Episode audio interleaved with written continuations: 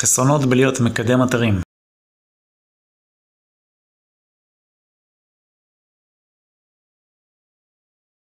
טוב, אז אם לא ראיתם את הוידאו הקודם שלי, יתרונות בלהיות מקדם אתרים, אני ממליץ לכם שתצפו בו קודם, שלא להוריד לכם את המוטיבציה, אבל כן, צריך לדבר גם על הדברים הפחות אה, טובים, ואם יש צד פחות נעים במקצוע הזה, זה כל הגורם האנושי, כל ההתנהלות מול אה, לקוחות, בעלי אתרים, שצריך לתת להם דין וחשבון וכזה. ובמקצוע כמו שלנו, של קידום אורגני, זה מקצוע שיש בו הרבה מאוד תחום אפור. אם ברוב התחומים יש לנו שני גורמים עיקריים, הספק והלקוח, או בעל המקצוע והלקוח, אז בתחום ה-SEO יש לנו ספק, לקוח, ובאמצע גוגל שתופס שטח נרחב מכל המשוואה הזאת, כי גוגל בסופו של דבר הם בעלי הבית והם קובעים מה הולך להיות בתוצאות מדי יום. כשגוגל עושים עדכונים גדולים באלגוריתם שלהם, השינויים יכולים להיות מאוד דרמטיים, מרחיקי לכת ומשני חיים עבור אתרים מסוימים. אנחנו בסוף אלה שסופגים את האש, או סופגים את המחמאות, לטוב ולרע, בדרך כלל סופגים את הדברים הפחות טובים, כי גם אם לקוח מתקדם מאוד, הוא לא ימהר לפרגן ולהחמיא וזה, ככה אנחנו אנשים.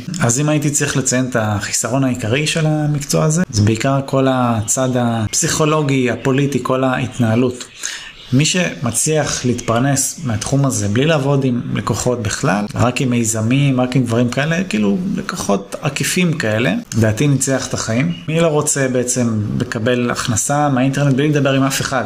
זה סוג של חלום, נכון? אז מי שמצליח לפצח את הדבר הזה ובאמת להרוויח טוב, טוב זה אומר כמו מישהו שעובד מול מאות לקוחות, אז וואלה, מגיע לו שאפו גדול. מעבר לזה, כמו, כמו, כמו כל מקצוע, יש עניינים של שחיקה, שמים עם פחות מוטיבציה, פחות הולך, פחות זה, אבל זה בסדר. זה לא משהו ייחודי לתחום הזה, אני חושב שיש סך הכל הרבה יותר יתרונות מחסרונות, ואם עדיין לא ראיתם את היתרונות, כמו שאמרתי, תצפו בסרטון הקודם שלי.